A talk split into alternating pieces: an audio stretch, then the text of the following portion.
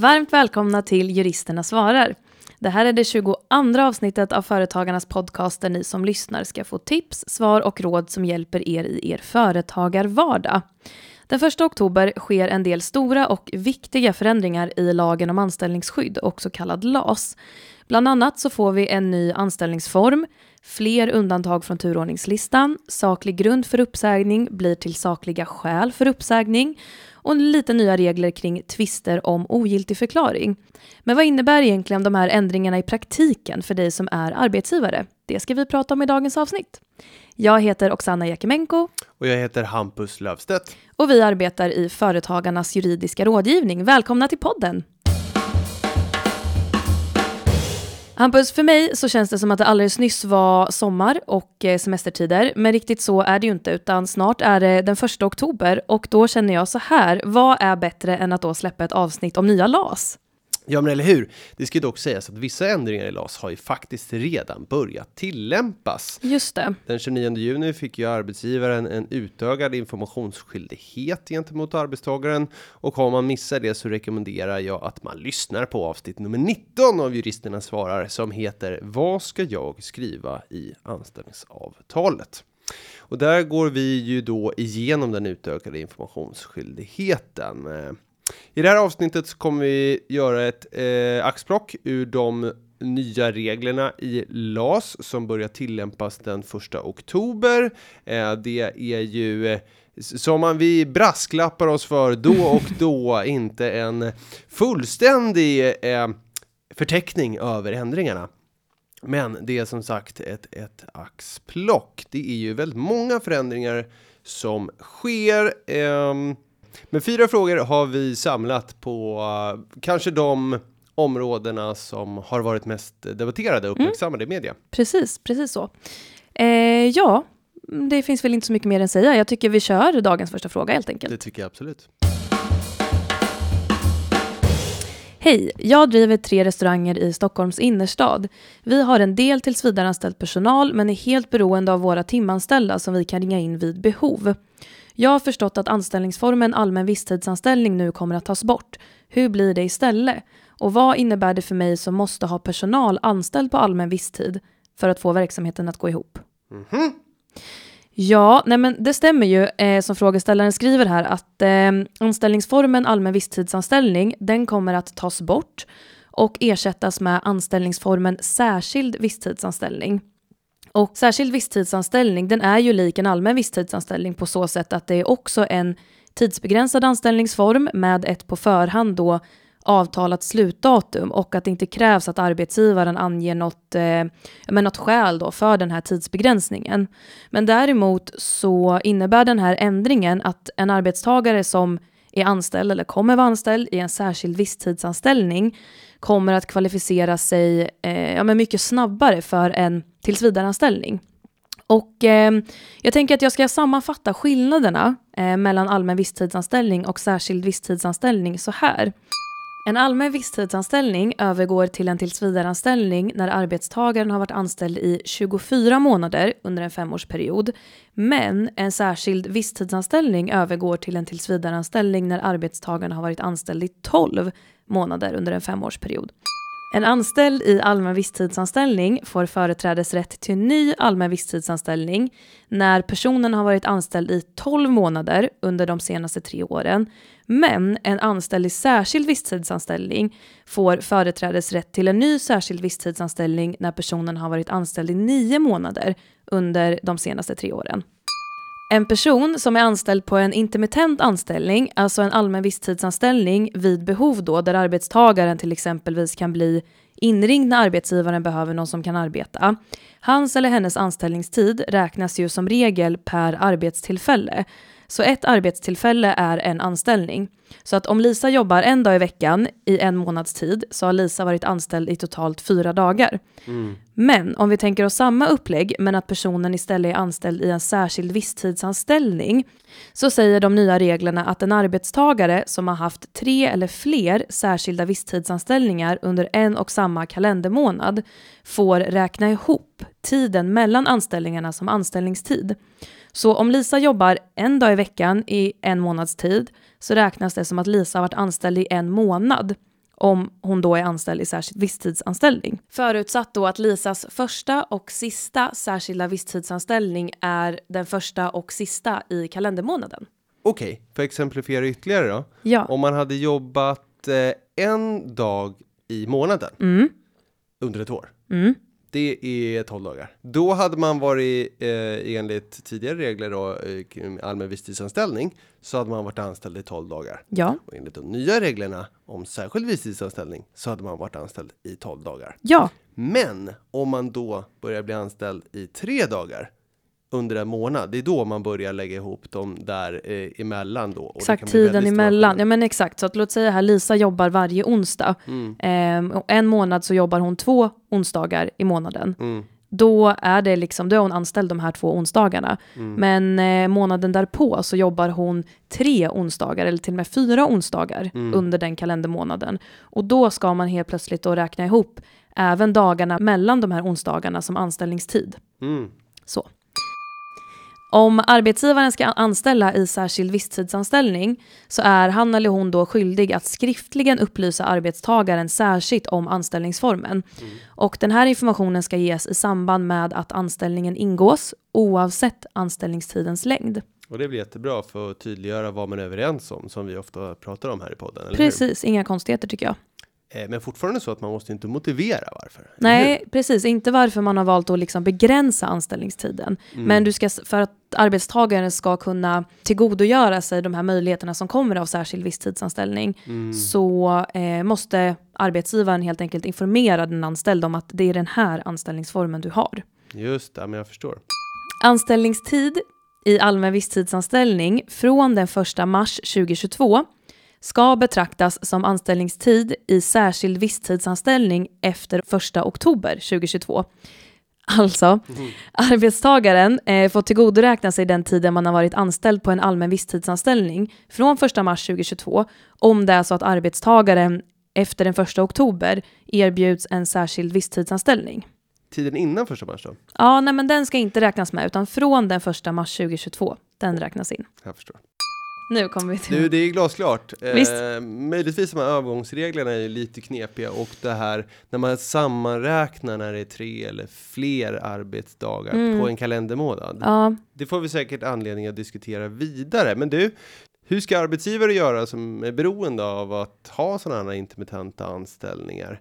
Eh, för det blir uppenbart så att eh, Lisa här då, om Lisa jobbar en dag i veckan, fyra veckor i rad, och det räknas som en månads anställningstid istället för fyra dagars anställningstid, så kommer Lisa ganska snabbt upp i de här 12 månaderna som gör att hon får en tillsvidareanställning. ja, så är det verkligen. Och det är ju inte en, en slump, utan det är ju uttalat i förarbetena här att det är ett av syftena med den här ändringen då, att Mm. arbetstagare genom den här nya anställningsformen särskild visstidsanställning snabbare ska kunna kvalificera sig för övergång då till en tillsvidareanställning och på så sätt få en, en ja, men, tryggare anställningsform då. Och ja, hur ska man göra? Ja, alltså både frågeställaren här och andra arbetsgivare i, i liknande situationer, de kommer ju antingen att behöva byta personal oftare om Mm. man inte vill att de här särskilda visstidsanställningarna ska övergå till tills vidare. Eller så får man ju försöka planera så att, eh, så att arbetstagaren inte har fler än tre särskilda visstidsanställningar under en månad. Eh, till exempel då genom att personen kanske får jobba flera dagar i rad eh, istället för flera tillfällen utspritt över en månad.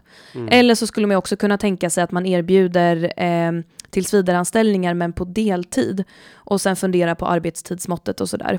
Men och, och här tänker jag att är man medlem i Företagarna så kan man ju ringa in till oss Hampus i rådgivningen Mm. eh, så kan vi hjälpa till med att rådge kring vad som vore bäst för just, eh, ja, för just din verksamhet. Ja, men det är ju precis därför vi den juridiska rådgivningen här på Företagarna finns till. Precis Men, så. men eh, som du är inne på där, det här går ju ofta att lösa. Och inte minst med kanske det, det sista som man tror är väldigt ingripande. Så en tillsvidareanställning med deltid kanske är en god lösning ibland. Mm. Och inte bara alternativen att försöka undvika syftet med regleringen, att anställningen ska övergå till en tillsvidareanställning, utan just det sista du nämnde, att, att det kan passa med en deltidsanställning som tillsvidareanställning. Mm. Men du, de här nya reglerna som vi diskuterar idag och den här du diskuterar just nu börjar ju tillämpas den 1 oktober 2022.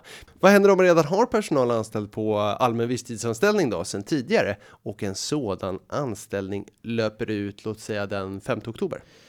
Ja, alltså man kan säga så här att eh, om den här allmänna anställningen bara löper ut Mm. den 5 oktober så händer egentligen ingenting. Mm. För att för alla allmänna visstidsanställningar som har ingåtts innan de här nya reglerna börjar tillämpas så gäller fortfarande de gamla reglerna, alltså 24 månaders kvalifikationstid för att få en tillsvidareanställning, 12 månaders anställningstid för att få företrädesrätt och så vidare. Men däremot så är det så att alla allmänna visstidsanställningar ändå ska betraktas som särskilda visstidsanställningar efter den 1 oktober Hmm. i den bemärkelsen att vissa av de här reglerna gäller även för de här omvandlande anställningarna kan man Okej. säga. Till exempelvis då arbetsgivarens skyldighet att lämna skriftlig information Mm. det måste, om den särskilda anställningsformen. Det måste man göra även om när ni skrev avtalet så var det en allmän visstidsanställning. Mm. Men efter 1 oktober har det blivit en särskild visstidsanställning. Mm. Då måste arbetsgivaren lämna information om det. Men låt säga istället då att den här personen har varit anställd då på en allmän visstidsanställning från den eh, 5 mars till den 5 oktober Mm. 2022. Och så erbjuder arbetsgivaren eh, en särskild visstidsanställning från den 6 oktober till den 6 mars 2023. Då kommer vi in på det här med att tillgodoräkna sig anställningstid i allmän visstidsanställning. För då får ju arbetstagaren då som sagt tillgodoräkna sig anställningstiden mellan 5 mars och 5 oktober. Och så tar man med sig den anställningstiden in i den särskilda visstidsanställningen. Ja. Och det betyder ju att personen då redan har varit anställd i sju månader och behöver bara vara anställd i fem månader till i en särskild visstidsanställning innan anställningen övergår till en tillsvidareanställning. Glasklart. Glasklart. Och då, när vi är framme här vid 6 mars, Yes. som parterna hade avtalat om att den särskilda visstidsanställningen skulle upphöra, 6 mars 2023, då har ju arbetstagarens särskilda visstidsanställning faktiskt redan övergått till en tillsvidareanställning, vilket kanske inte var tanken. Så att det här med att man får tillgodoräkna sig tiden från 1 mars 2022 och ta med sig den om man påbörjar en särskild visstidsanställning Mm. efter 1 oktober, det är ju superviktigt, inst- inte minst vid beräkningen av kvalifikationstiden för när arbetstagaren får en tillsvidareanställning. Så att här behöver man hålla lite koll helt enkelt som arbetsgivare och som arbetstagare för den delen. Ja men verkligen. Ja, men då tackar vi för det och så kör vi fråga två eller? Vi kör fråga två. Hej juristerna svarar. Jag har en målerifirma med 17 anställda och kommer nog på grund av dalande orderingång behöva säga upp ett par anställda. Nu kan arbetsgivare undanta fler i turordningslistan i en arbetsbristsituation, eller hur? Vad har ändrats? Ja du, bra fråga som tar sikte på en utav de av oss här utvalda förändringarna då, Eh, som vi går igenom i det här avsnittet. Eh, här går jag inte in på arbetsbristuppsägningens alla skyldigheter och rättigheter, utan det lämnar vi till det stora arbetsbristavsnittet, eller hur också Anna? Ja men precis så. Och frågan är ju ställd med nu. Och som vi nämnde förut så spelar vi i och för sig in det här 16 september.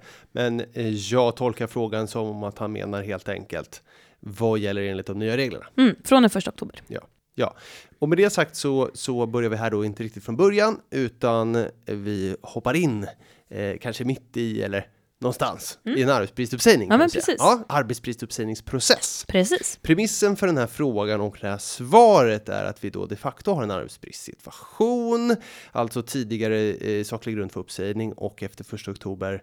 Sakliga skäl för uppsägning. Ja, men precis. Mm-mm. Det är också så att vi har kommit en bit i den så kallade omplaceringsutredningen som en arbetsgivare måste utföra enligt sin omplaceringsskyldighet innan eh, den säger upp en anställd på arbetsbrist. Först ska man ju enligt sjunde paragrafen reda ut om det finns lediga befattningar att omplacera till för att undvika uppsägning och det är först sen man tittar på omplacering enligt turordningslistan då. Och omplacering enligt turordningslistan, det är kort och gott det som menas med uttrycket sist in först ut. Det ska upprättas en turordning där arbetstagarnas arbetstagarna sorteras efter längst till, till kortast anställningstid och där den som varit anställd kortast tid i regel ska sägas upp först så att säga. Bra. Och det är ju där, våra kära lyssnare, som vi är i den här frågeställningen. Eller hur? Exakt. Nu kan arbetsgivare undanta fler i turordningslistan i en arbetsbristsituation. Eller hur? Vad har ändrats? Får man ha lite högläsning? Gärna. Tackar, tackar.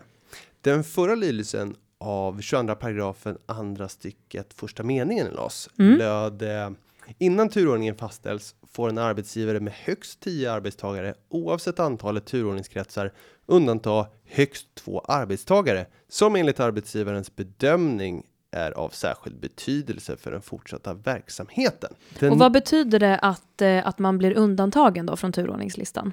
Det innebär helt enkelt att när man ska utreda vem som ska sägas upp, det vill säga vem som kan tänkas knuffa undan eh, någon annan, så är man helt enkelt inte med. Nej, precis. Så att man får, man får helt enkelt man fortsatt ur, företräde till anställning, helt enkelt. Man, ja, man är inte med i arbetsbristsituationen, processen. Säg att du är eh, fem anställda på en arbetsplats och så var det den tredje tjänsten som skulle väck. Mm. Och de två under den här tredje tjänsten eh, i då anställningstid som vi har sorterat dem på är särskilt viktiga för verksamhetens mm. fortgång. Mm. Om man säger att när arbetsgivaren plockar bort dem så blir plötsligt den som innehar tredje tjänsten sist, sist in. Ja, precis. Sist mm. in på turordningslistan och är den som ses upp. Mm. Litet instick, men den nya lydelsen då, som blir tillämplig från den 1 oktober, lyder så här. Innan turordningen fastställs får en arbetsgivare, oavsett antalet turordningskretsar, än så länge känns det igen, mm. Undanta högst tre arbetstagare som enligt arbetsgivarens bedömning är av särskild betydelse för den fortsatta verksamheten. Om ett sådant undantag har gjorts får inga ytterligare undantag göras vid en uppsägning som sker inom tre månader efter att den första uppsägningen skett. Mm -hmm. Så vad är förändringen då? Jo, tillämpade från 1 oktober så kan alltså arbetsgivare oavsett storlek undanta tre stycken arbetstagare från turordningslistan. Alltså oavsett storlek och tre stycken arbetstagare från turordningslistan. Tidigare så fanns denna möjlighet bara för arbetsgivare med 10 eller färre arbetstagare och undantag fick endast göras för två stycken arbetstagare som vi hörde då. Man har lagt till att om sånt här undantag gjorts så får inga ytterligare undantag göras vid en uppsägning som sker inom tre månader efter att den första uppsägningen har skett. Det blir någon form av säkerhetsventil för att uppdelningar av uppsägningsprocesser nära in på varandra inte ska innebära att undantagen kan utnyttjas gång på gång på gång på gång.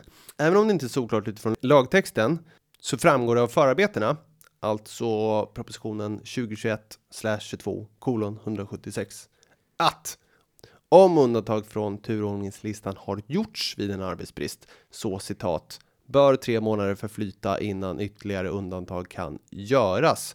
Oavsett om arbetsgivaren vid den första uppsägningen, då undantag gjordes, använder sig av undantagsmöjligheten fullt ut eller inte. Sidan 105 står det där på för den nyfikna. Och det, det blev det där böret har ju nu blivit klubbat i lag. Tackar, tackar. Varsågodis.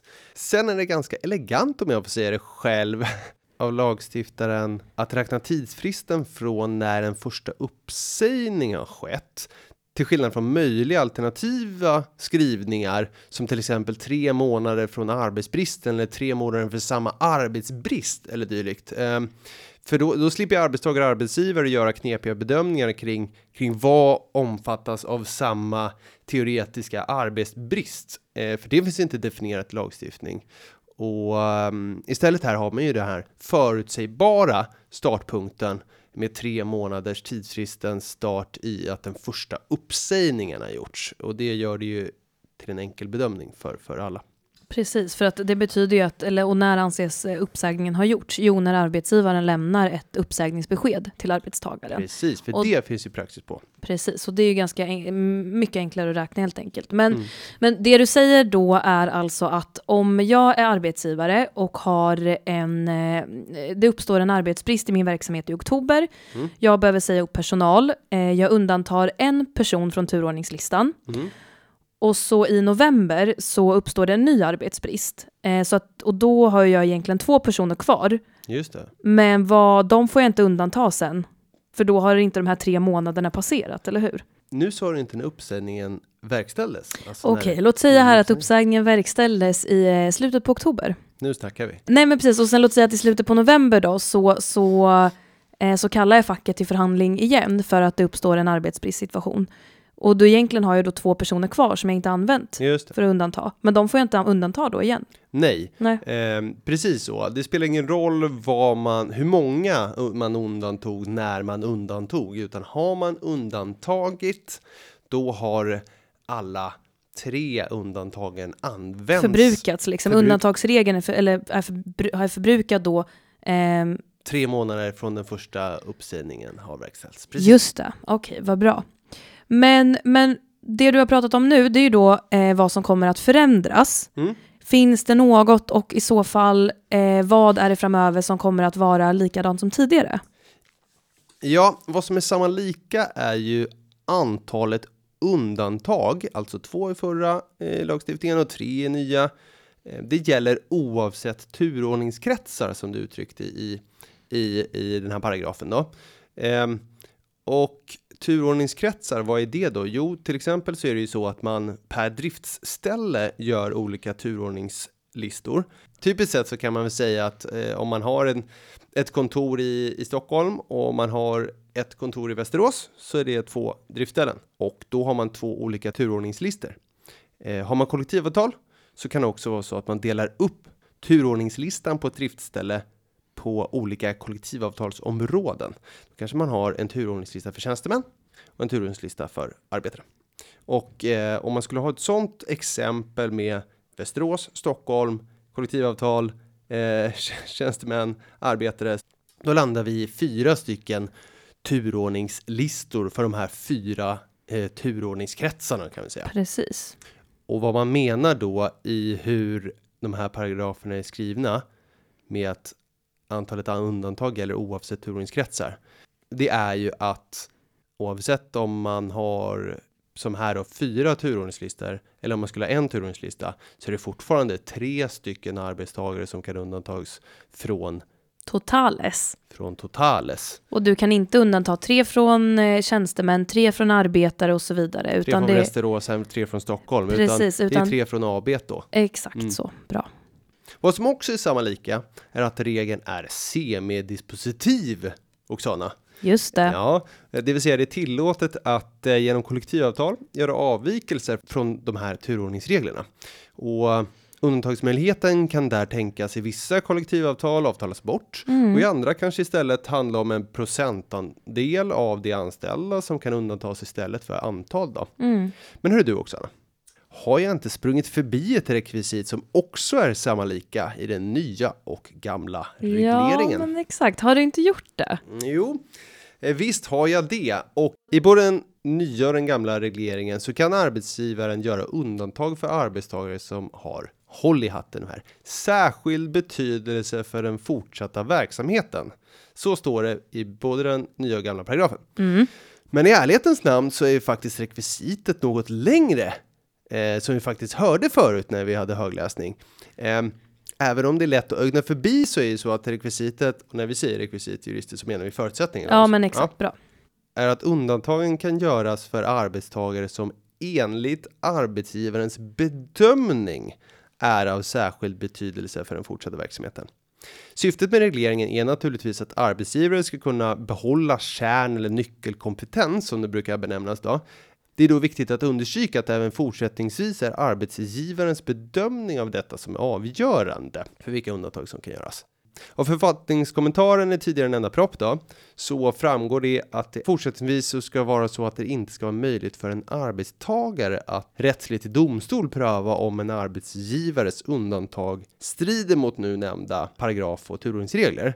Däremot så kan en arbetstagare ifrågasätta ett undantag utifrån annan lagstiftning. Till exempel genom att påstå att undantaget är ett agerande i strid med föreningsrätten eller att det är diskriminerande enligt diskrimineringslagen. För den nyfikna kan man läsa om resonemanget där kring i AD 2005 nummer 32 då. Så var det om den utökade möjligheten till att undanta arbetstagare från turordningslistan.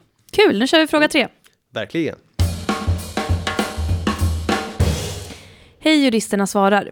Jag har svårt att greppa vad det innebär i praktiken att saklig grund för uppsägning ändras till sakliga skäl för uppsägning tacksam om ni kunde reda ut detta. Ja, men precis som frågeställaren skriver så finns det idag ett krav på att arbetsgivaren måste ha saklig grund för att kunna säga upp en anställd. Just Eh, och det betyder ju egentligen, eh, för att nå upp till att få saklig grund, vilket är antingen arbetsbrist eller personliga skäl, Ja. så måste arbetsgivaren då ha vidtagit flera åtgärder och i rätt ordning innan man når dit så att säga.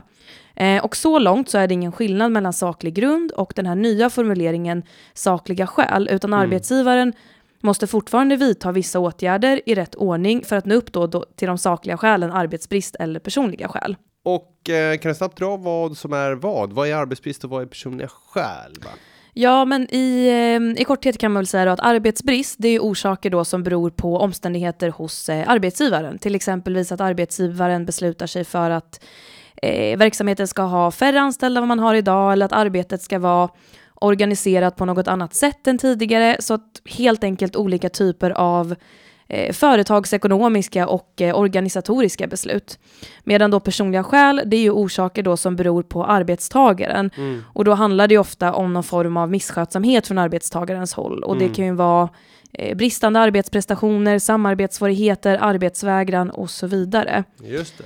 Ehm, och vad som utgör då saklig grund eh, för uppsägning på grund av personliga skäl, det står ju inte i lagen, utan det är ju någonting som har vuxit fram genom praxis från Arbetsdomstolen. Och enligt Arbetsdomstolen så ska fokus då i en prövning om det föreligger eh, grund för uppsägning då. Fokuset där ska vara på om arbetstagaren brutit mot eller misslyckats med att uppfylla en väsentlig förpliktelse i anställningen. Eller om han eller hon eh, känt till eller borde ha känt till det. Och så kan man säga så att eh, ju, ju större betydelse den här aktuella förpliktelsen har för arbetsgivaren, desto allvarligare är det då om arbetstagaren överträder den. Eh, och så här kommer det att vara även eh, fortsättningsvis. Alltså man kommer fortfarande att göra en helhetsbedömning av de relevanta omständigheter för att då kunna avgöra om arbetstagaren har åsidosatt sina eh, förpliktelser enligt anställningsavtalet i, ja, i tillräckligt allvarlig grad ska det sägas. För att man som arbetsgivare då ska nå upp till den här, det här kravet på saklig grund som då är personliga skäl. Eh, och det kommer även fortsättningsvis att vara så att det är arbetsgivaren som ska bevisa den här misskötsamheten. Okej, det var om, om personliga skäl då, men, men eh, arbetsbrist då? Mm. Ja, alltså vad gäller den här grunden för arbetsbrist, där Mm. kommer det egentligen inte bli någon ändring, eller snarare den, den sakliga grunden påverkas inte av eh, de här nya ändringarna eh, och vilka åtgärder som då måste vidtas med anledning av arbetsbrist.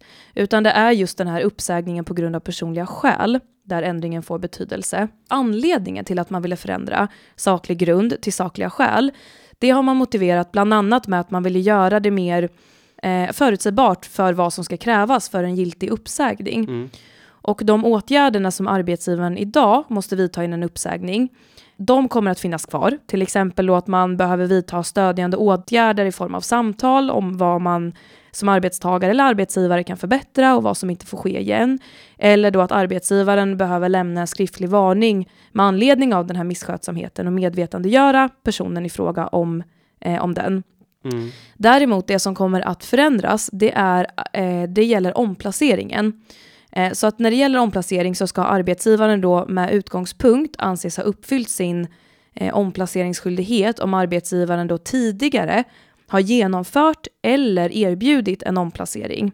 Och om arbetstagaren därefter fortsätter göra sig skyldig till brott eh, mot anställningsavtalet, alltså man fortsätter att missköta sig, då ska arbetsgivaren normalt inte behöva erbjuda ytterligare en omplacering, utan en omplacering ska räcka. Ehm, och som jag sa förut här då, prövningen då om det föreligger sakliga skäl, det ska fortfarande ske genom en helhetsbedömning enligt praxis.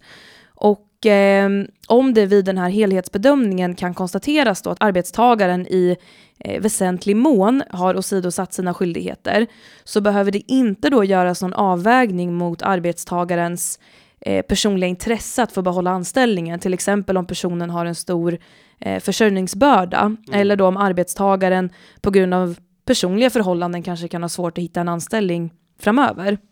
Och eh, man behöver inte heller göra någon prognos för om arbetstagaren i framtiden, om den får behålla sin anställning, kan komma och åsidosätta sina skyldigheter igen. Och det här tycker också regeringen då att eh, genom att införa de här ändringarna så ska det innebära en större förutsägbarhet helt enkelt för bägge parter för när sakliga skäl för uppsägning kan anses ha uppnåtts. Okej, du säger här att regeringen tror att det ska öka förutsägbarheten, men vad tror vi då? Kommer de här ändringarna verkligen göra det? Ja, det är verkligen 10 000 kronors frågan och eh, ja, jag vet inte, det får vi väl hoppas att det gör för att förutsägbarhet inför när eh, en uppsägning kan ske är ju bra för både arbetsgivaren och arbetstagaren och mm.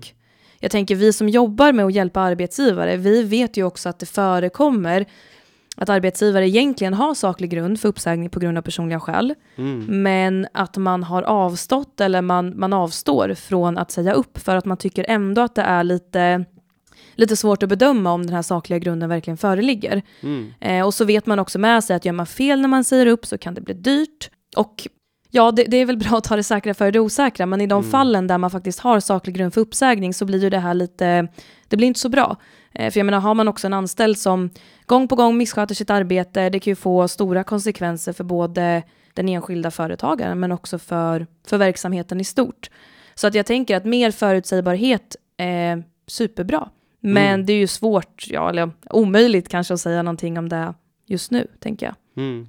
Men eh, en sak som jag vill lyfta på tal om förutsägbarhet och att det är det som är ett av syftena med de här lagändringarna, eh, det är ju att Eh, man från och med den 1 oktober genom kollektivavtal kommer att kunna avtala om vad som är sakliga skäl för uppsägning. Ja, men det är spännande. Det är jättespännande, mm. för spontant tänker jag att det inte bidrar mm. till att skapa bättre förutsägbarhet, eh, för det kan ju liksom innebära då att man, eh, vad, vad som är saklig grund eventuellt kommer att skilja sig då mellan olika branscher beroende på kollektivavtal. Men å andra sidan så skulle det kunna i då kollektivavtal som är för olika eh, eh, eller för specifika branscher snarare kunna mejsla ut vad då misskötsel är för just den specifika branschen. Mm. Eh, och det kan ju vara bra för eh, de som omfattas av kollektivavtalet. Mm. Men det är väl fortfarande lite lurigt hur det där ska vara normerande på för de som inte har kollektivavtal. För de som inte har kollektivavtal.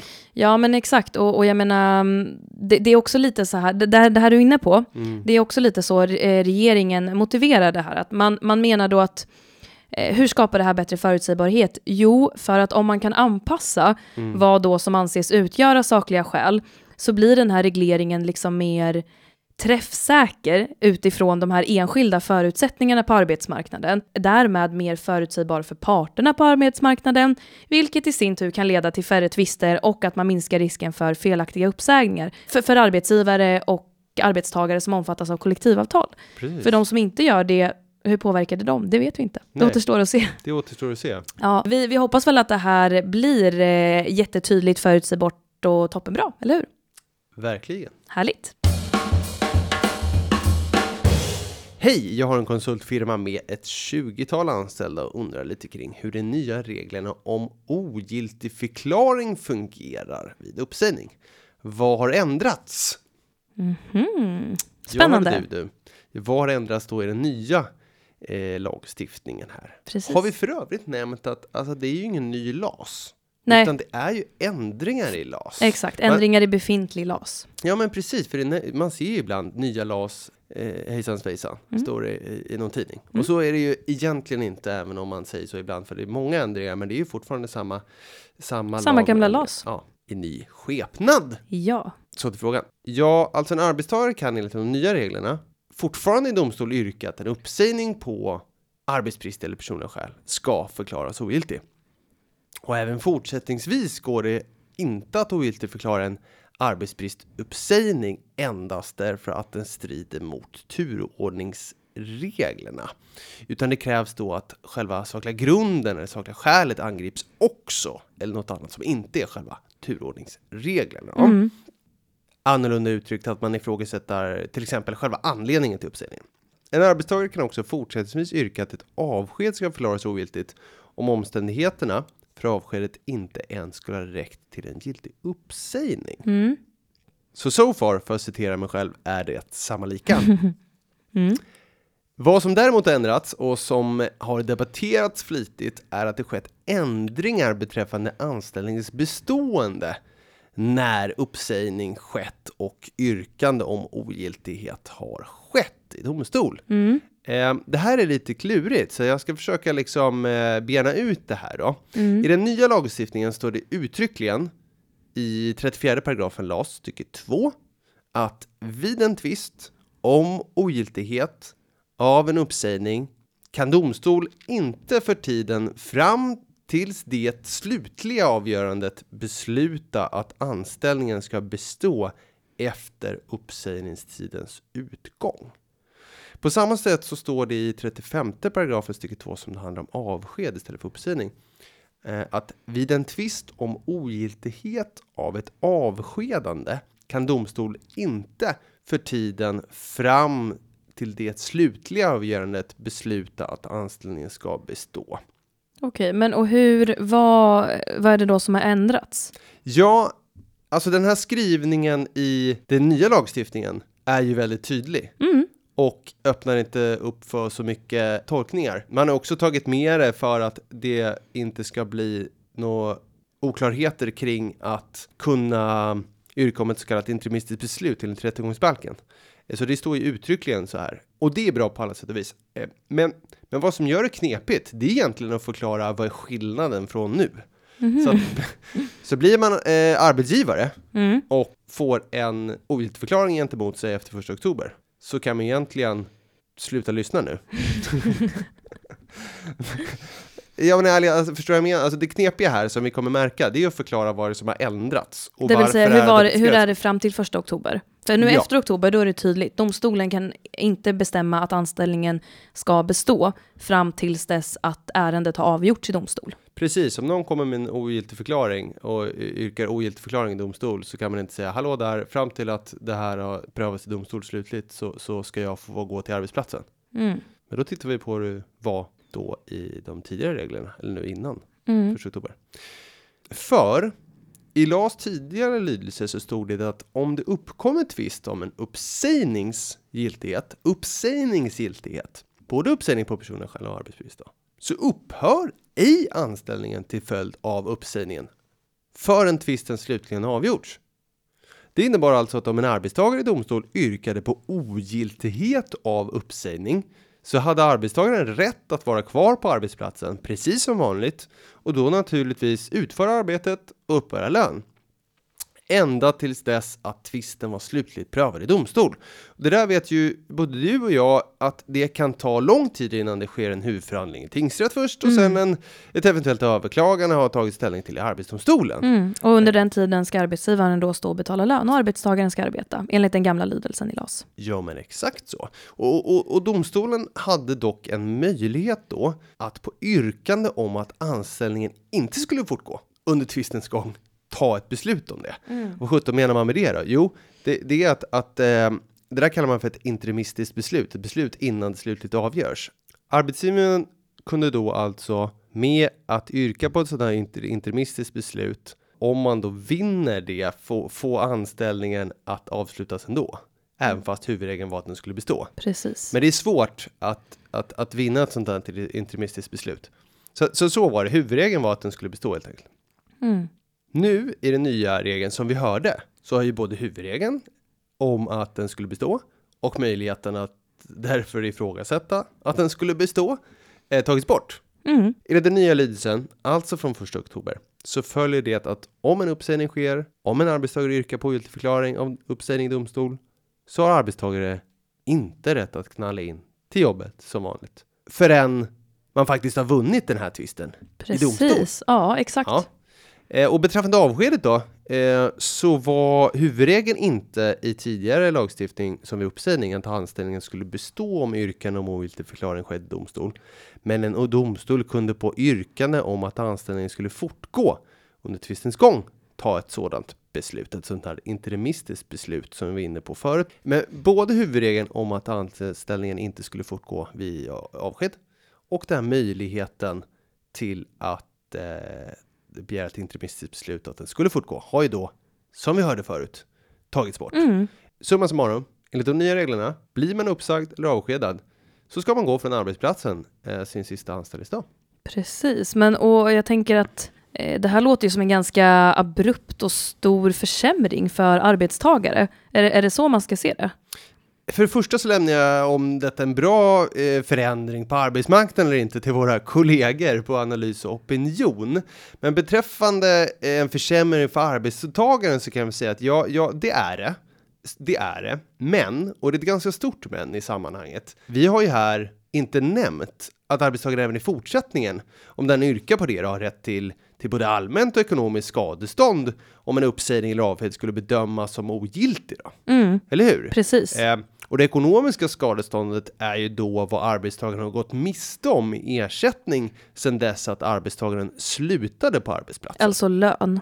Precis, eh, till dess att den gick tillbaks till arbetsplatsen Mm. då. Och det kan ju vara Ja, helt enkelt om den vinner ogiltighet, då, då, ska man ju, då får man ju komma tillbaks. Mm. Då får man ju knalla tillbaks till arbetsplatsen eh, då, så att säga. Det, det är det som blir rättsföljden av ett, eh, om ett ogiltigförklarande, om man vinner ett ogiltigförklarande mål, så att säga. Så, och skadestånd. Sen kan det också vara att man får ytterligare ekonomisk ersättning eh, förresten då om arbetsgivaren inte följer domstolens beslut om ogiltigförklaring. Mm. Och då, då kan man få ytterligare ekonomisk skadestånd för att man helt enkelt inte får inträda på arbetsplatsen igen.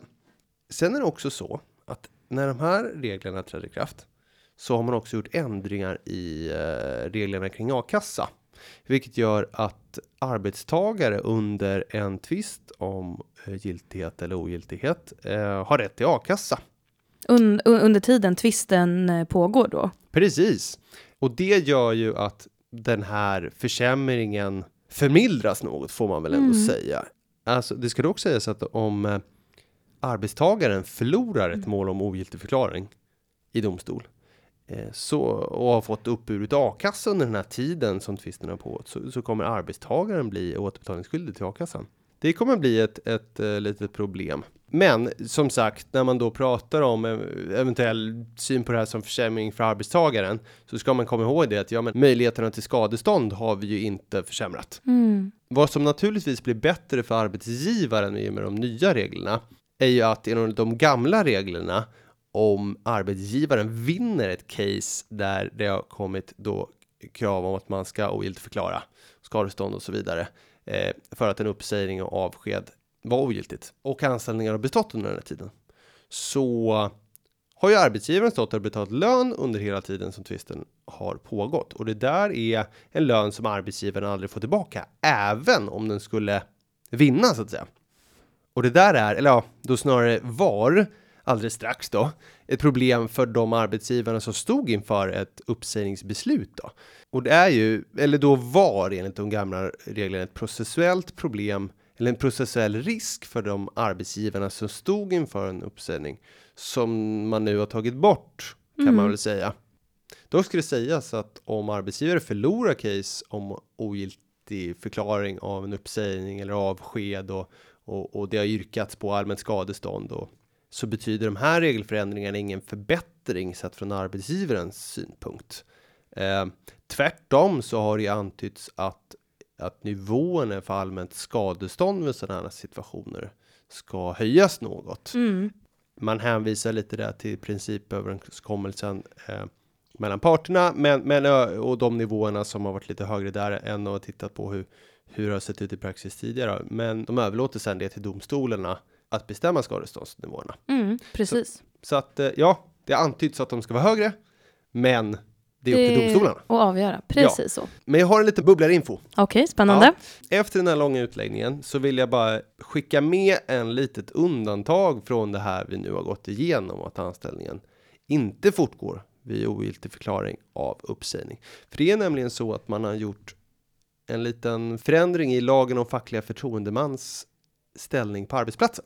Där har man nämligen skrivit in att vid en tvist om giltigheten av en uppsägning av en facklig förtroendeman så upphör nämligen inte förtroendemannens anställning till följd av uppsägningen förrän tvisten slutligen avgjorts om det är av särskild betydelse för den fackliga verksamheten på arbetsplatsen att förtroendemannens anställning består. Slutcitat. Om hur detta kan bedömas av domstol, hur det blir vid förtroendemans avskedande kan ni läsa om i nämnda lags paragraf 8a och 8b. Men så där har man kvar de här möjligheterna och ja, nu går jag ändå in på det, men det här med lite interimistiskt beslut och huvudregel som är omvänt lite mot i, i avskedanden och så där. Så man kan säga att där, där har man kvar den gamla lagstiftningen lite om man ska förenkla det för, för fackliga förtroendemän. Så. Så. Eh, och då tror jag faktiskt att vi är klara för idag. Det tror jag också. Som medlem i Företagarna kan du utan kostnad ringa till oss och våra kollegor på den juridiska rådgivningen och få personlig hjälp. Du når oss på telefon 0771 45 45 45 på företagarna.se. Där kan du läsa mer om vad som gäller med de nya reglerna. Klippningen är gjord av Petra Tjo och underlaget av David Hagen. Vi, vi hörs igen om två veckor. Eh, tack för att du lyssnade. Hej då! Hej då!